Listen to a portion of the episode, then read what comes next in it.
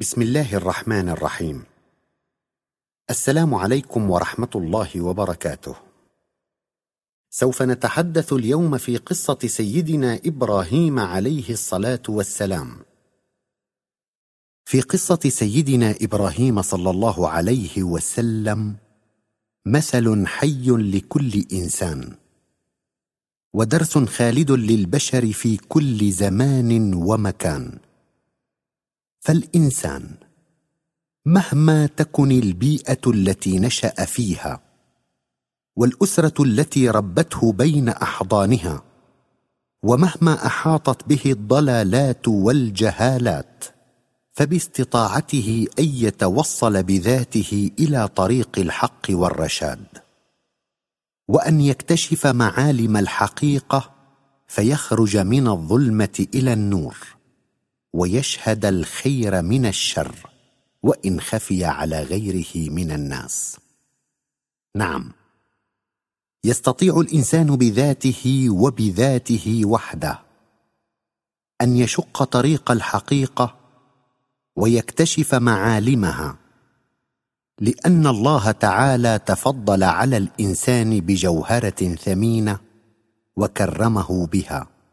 فإن هو حاول الاستفادة منها والانتفاع بها توصل إلى كل خير.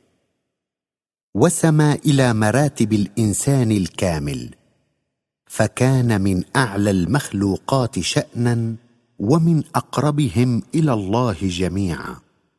وممن ذكرهم الله تعالى في قوله من سورة البينة إن الذين آمنوا وعملوا الصالحات أولئك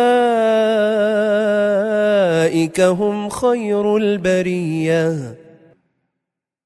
وان هو القى هذه الجوهره جانبا واتخذها وراء ظهره حبط عمله وانحطت منزلته. فصار ادنى واشر مخلوق على وجه الأرض. قال تعالى في سورة البينة إن الذين كفروا من أهل الكتاب والمشركين في نار جهنم خالدين فيها. أولئك هم شر البرية. إن هذه الجوهرة التي أنعم الله تعالى بها على كل إنسان إنما هي الفكر. وبالفكر يستطيع الإنسان مهما تكن لغته ومهما تكن بلاده وأمته ومهما تكن شيعته وملته أن يعرف خالقه المعرفة اللائقة فيهتدي إلى الحق ويشهد الحقيقة. ذلك أنه لا عبرة في الوصول إلى هذه المعرفة للغة واللسان. ولا يحول دون الحصول عليها قطر ولا بيئة ولا مكان. فهذا الكون المحيط بالناس جميعا وما فيه من آيات بينات. إنما هو كتاب مفتوح يستطيع كل إنسان أن يقرأ فيه دلائل العظمة وأن يرى الآيات الدالة على الخالق. نعم. كل إنسان يستطيع ذلك أينما حل وحيثما ارتحل. وفي أي جيل وعصر نشأ وفي أي أمة أو شعب كان. الآن نبدأ حديثنا في قصة سيدنا إبراهيم عليه الصلاة والسلام. فكيف توصل سيدنا إبراهيم صلى الله عليه وسلم بفكره إلى معرفة ربه؟ وكذلك الأنبياء من قبله ومن بعده. لقد نشأ سيدنا إبراهيم صلى الله عليه وسلم في أمة تعبد الأصنام وكان قومه جميعا حتى أبوه يتخذون اصناما آلهة فلم يجار الناس على سيرهم ولم يوافق أباه على ضلاله بل إنه جعل ينظر ويتأمل وصار يفكر ويتعمق في التفكير فنظر أول ما نظر إلى نفسه وهداه تفكيره المتواصل إلى أن نطفة من مني يمنى لا يمكن لها بذاتها أن تتحول بعد حين وتصبح مخلوقا كريما وانسانا سويا. ذا سمع وبصر ونطق وشم ووعي وتفكير. وله ما له من قلب ورئتين ومعدة وكليتين وكبد وأمعاء إلى غير ذلك من الأجهزة والأعضاء التي يحار في دقة تركيبها وبعظمة صنعها كل ناظر ومتأمل. نعم. لقد أوحت إليه هذه الفكرة المتواصلة وهداه هذا التأمل إلى أن له ربا عظيما خلقه ورتبه وأحكم صنعه وركبه. وراح سيدنا إبراهيم صلى الله عليه وسلم يبحث عن خالقه ويفكر ليلا نهارا جاهدا جادا في معرفة ربه. ونظر فيما يعكف عليه أبوه وقومه مفكرا متسائلا. أيمكن لصنم نحته إنسان بيده أن يكون خالقا مربيا؟ وهل يستطيع هذا الصنم الذي لا يقوى على أن يمسك ذاته بذاته أن يمسك السماوات والأرض وأن يمد ما فيها بالحياة؟ وذلك ما لا يقبله فكر سليم ولا يقره عقل ولا منطق صحيح. وهكذا استطاع سيدنا إبراهيم صلى الله عليه وسلم بتفكيره أن يتحرر من عقيدة الوثنية التي درج عليها أبوه وقومه من قبل وأن يخالف البيئة والمجتمع الذي نشأ فيه. وإلى ذلك تشير الآية الكريمة في قوله تعالى من سورة الأنعام. واذ قال إبراهيم لابيه ازر اتتخذ اصناما الهه؟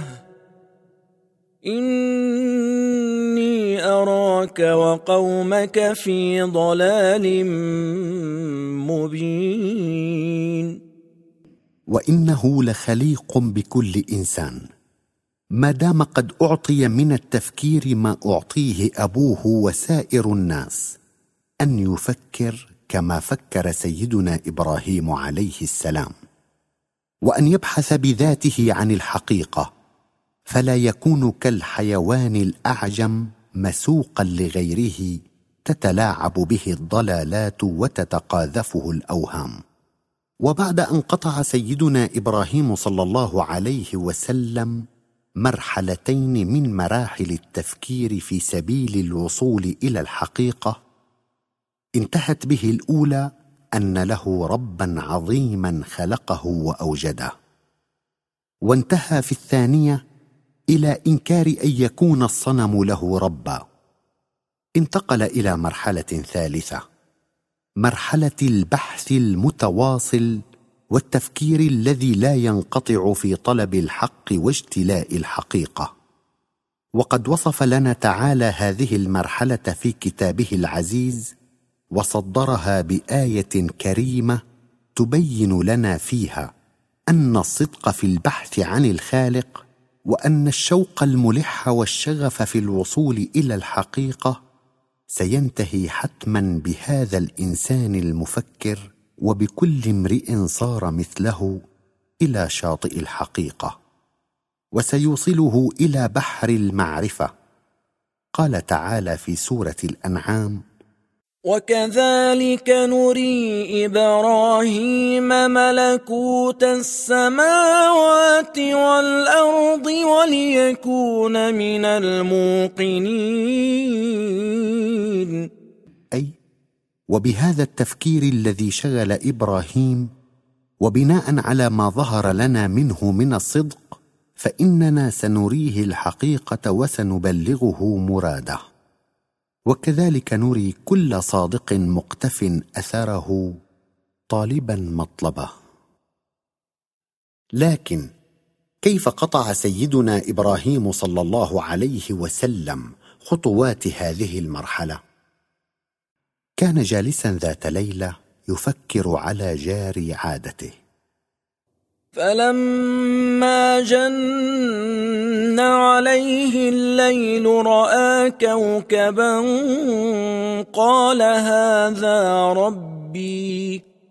فلما أفل قال لا أحب الآفلين. فلما جن عليه الليل وستره بظلامه رأى كوكبا. شاهد كوكبا منيرا يتألق في السماء. فقال في نفسه متسائلا ترى هل هذا ربي الذي يمدني بالحياة؟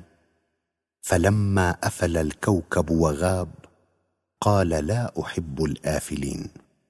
فما دام هذا الكوكب قد أفل وغاب فلا يمكن أن يكون ربي الدائم علي فضله. والمتتالي إمداده وخيره والذي يجب علي أن أحبه. وتابع سيدنا إبراهيم تفكيره. فلما رأى القمر بازغا قال هذا ربي. فلما أفل قال لئن لم يهدني ربي لأكونن من القوم الضالين.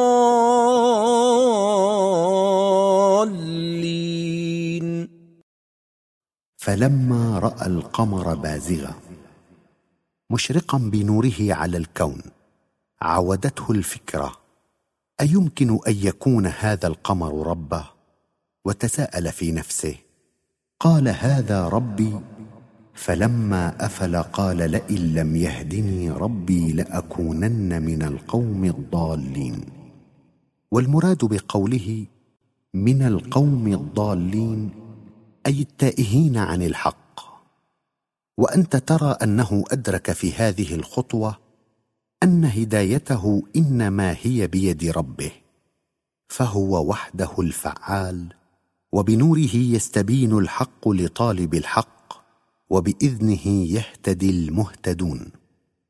واستمر سيدنا إبراهيم صلى الله عليه وسلم على تفكيره وواصل ليله بنهاره وكذلك شأن كل مشوق وحال كل صادق. فلما رأى الشمس بازغة قال هذا ربي هذا أكبر. فلما أفلت قال يا قوم إني بريء مما تشركون. فلما رأى الشمس بازغة وقد عم الأرض نورها قال هذا ربي هذا أكبر.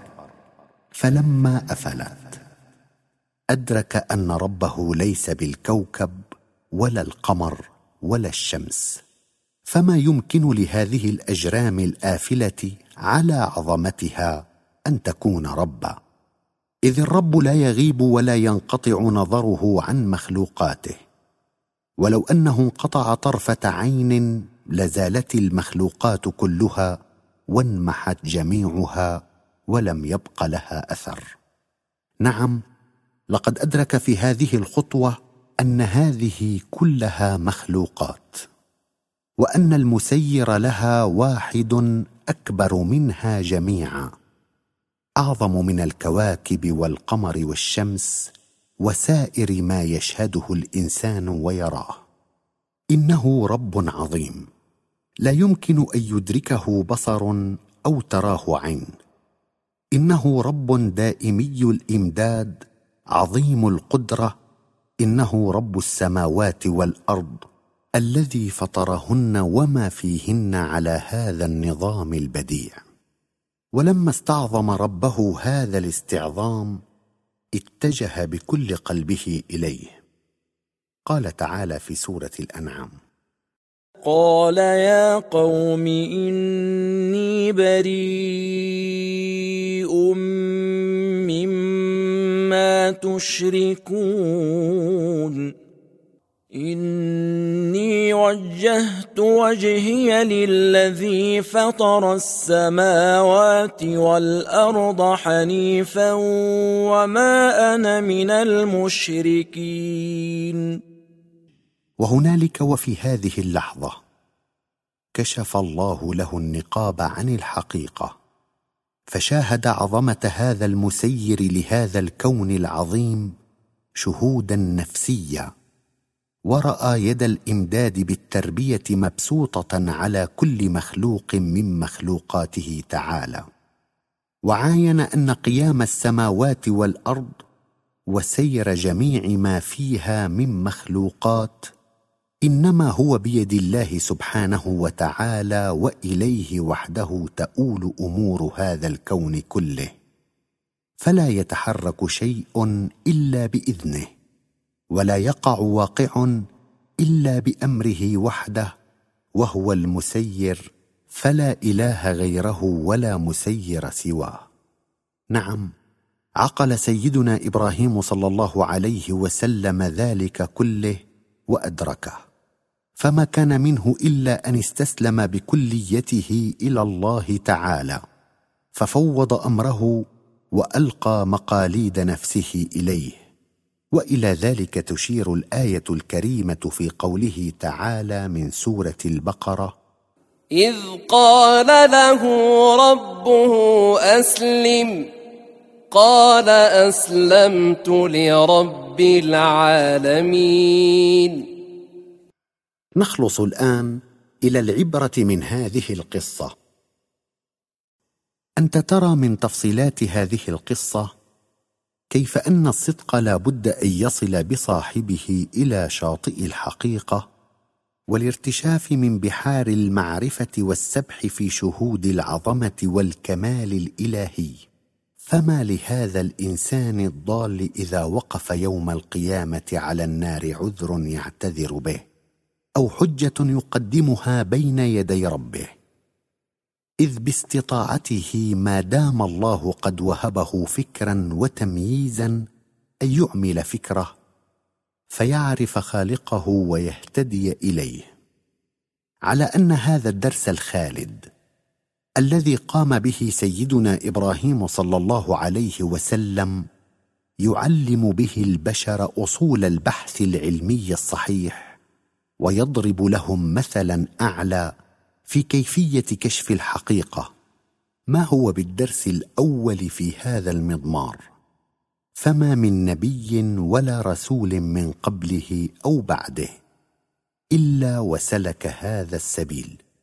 ولذلك أعقب الله تعالى قصة سيدنا إبراهيم صلى الله عليه وسلم الواردة في سورة الأنعام بذكر طائفة من الأنبياء والرسل الذين سبقوا أو أعقبوا هذا الرسول الكريم. وبين لنا أن أولئك الأنبياء والرسل صلوات الله وسلامه عليهم وأن الذين اهتدوا من آبائهم وذرياتهم وإخوانهم إنما اهتدوا إلى ربهم عن هذا الطريق وأنها هي الطريق الوحيدة لمن يريد معرفة ربه. قال تعالى في سورة الأنعام ذلك هدى الله يهدي به من يشاء من عباده. ثم بين لنا تعالى أن كمال هؤلاء الرسل وسيرهم العالي إنما كان باتباعهم لدلالة الله وحده. وعدم إشراكهم بعبادة ربهم أحدا سواه. قال تعالى في سورة الأنعام ولو اشركوا لحبط عنهم ما كانوا يعملون.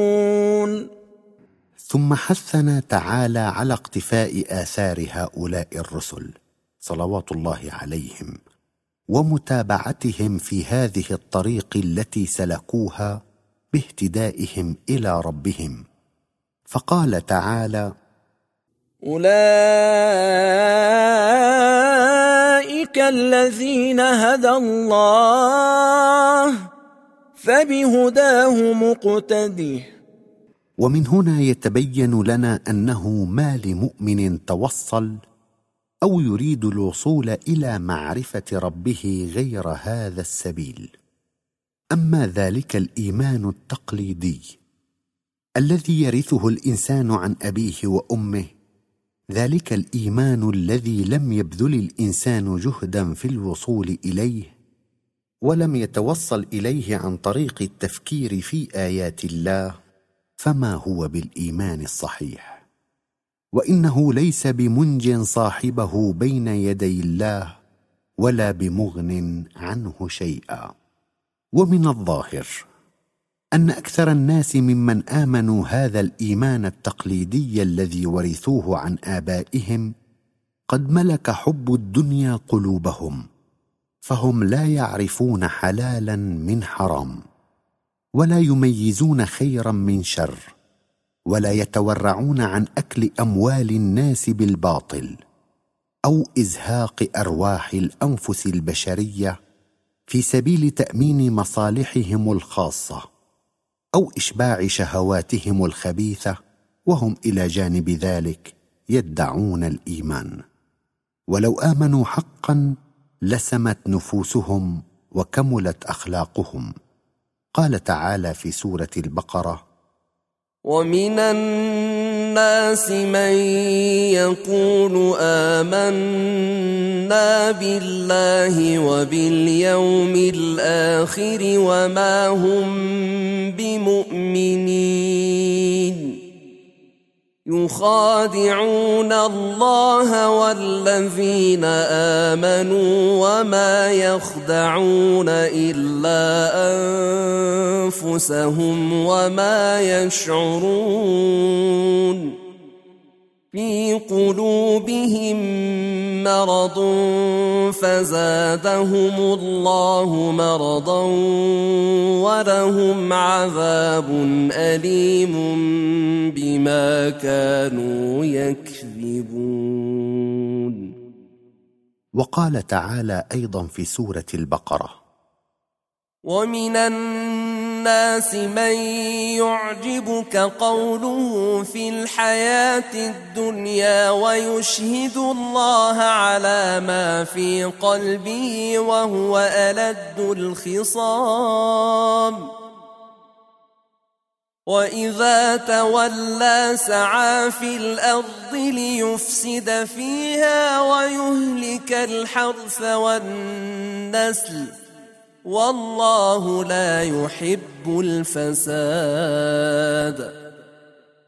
والآن بعد أن بينا الطريق الوحيدة في الوصول إلى الإيمان نريد أن نبين نتائج الإيمان بالله وآثار معرفته فنقول إذا آمن الإنسان بربه الإيمان الصحيح وعرف خالقه تلك المعرفة الخالصة فعندئذ تنطبع في قلبه الرحمة ويصطبغ بها بصبغة من الله.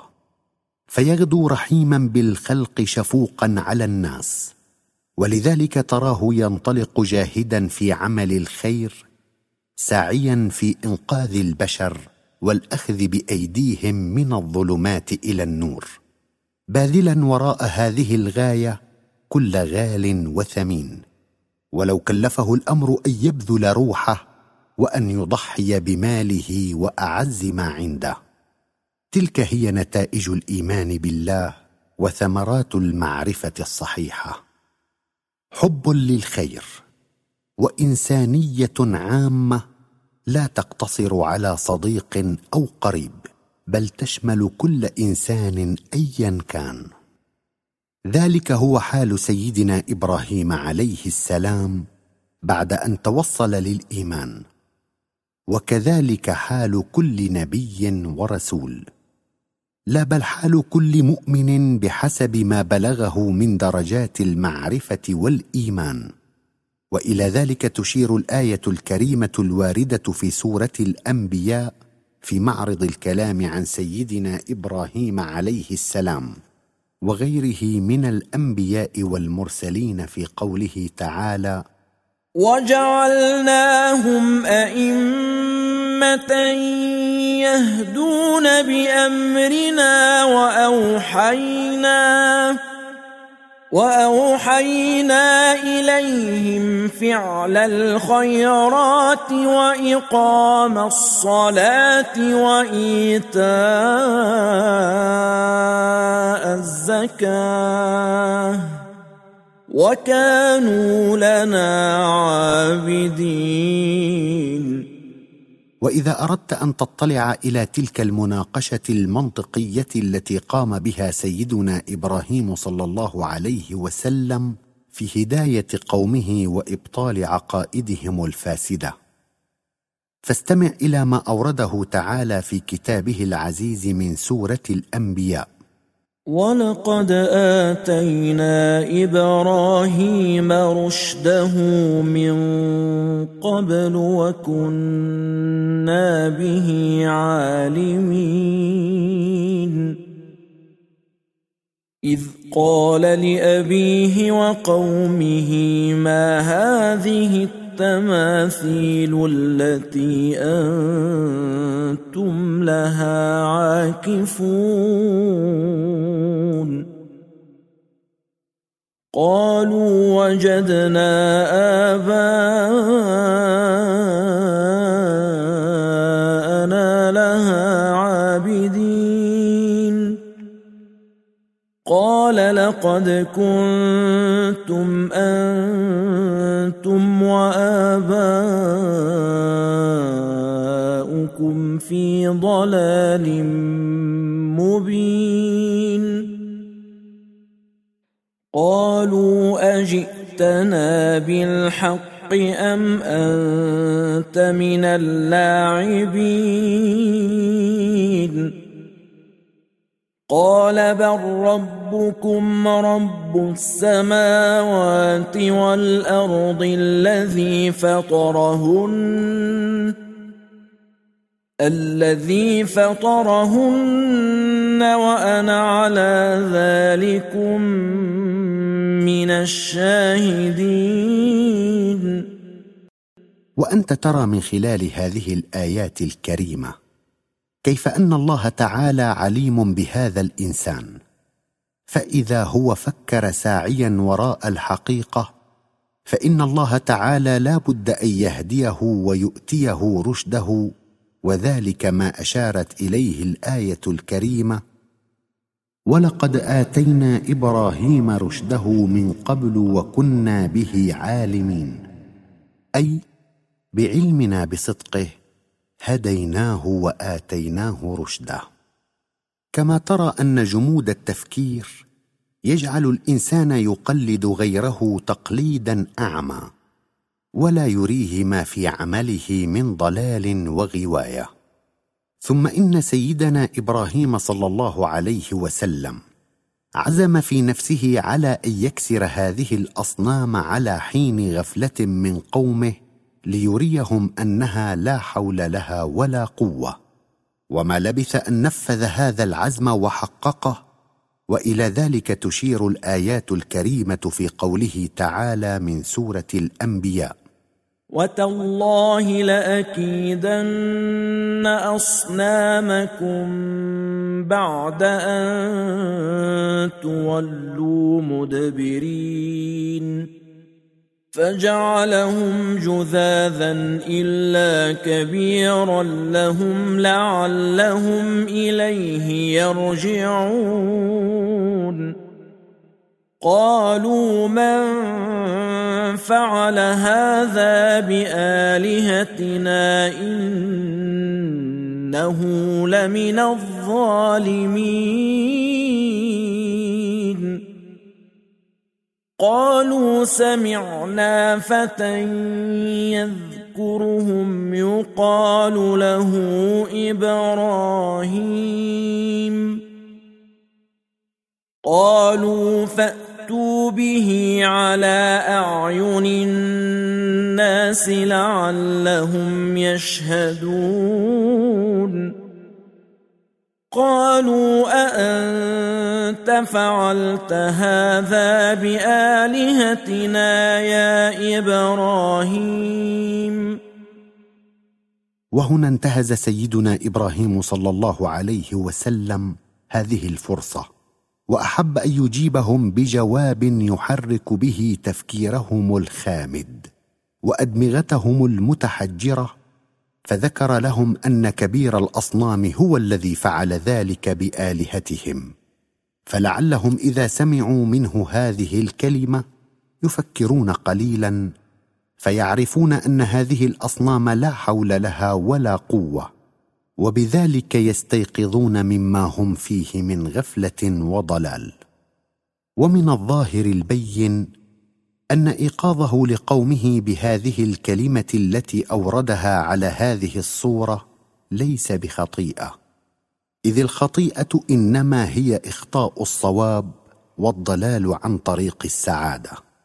كما لا يمكن أن يعد كذبا إذ الكذب إنما هو كلمة الإثم التي يراد بها إيقاع الضرر على الناس وكلامه هذا كله خير ونفع للناس. وإنما ذكره هذا الرسول الكريم هو من حكمة النبوة وهو أبلغ مقال في مثل هذا الحال. قال تعالى مشيرا إلى مقالة هذا الرسول الكريم قال بل فعله كبيرهم هذا فاسألوهم إن كانوا ينطقون. فرجعوا إلى أنفسهم فقالوا إنكم أنتم الظالمون. ثم نكسوا على رؤوسهم لقد علمت ما هؤلاء ينطقون. وهنا بعد أن جعلهم يقرون أن هذه الأصنام لا تستطيع أن تتفوه بكلمة وأنها لا حول لها ولا قوة بين لهم سخف اعتقادهم وبطلان عبادتهم وقبح لهم عملهم وإلى ذلك تشير الآيات الكريمة في قوله تعالى قال أفتعبدون من دون الله ما لا ينفعكم شيئا ولا يضركم؟ اف لكم ولما تعبدون من دون الله افلا تعقلون غير أن قومه بدلا من أن يذعنوا للحق وينقادوا إليه عارضوا هذا الرسول الكريم وكادوا له فأنجاه الله منهم وكانوا من الأخسرين. وإلى ذلك تشير الآيات الكريمة في قوله تعالى قالوا حرقوه وانصروا آلهتكم إن كنتم فاعلين. قلنا يا نار كوني بردا وسلاما على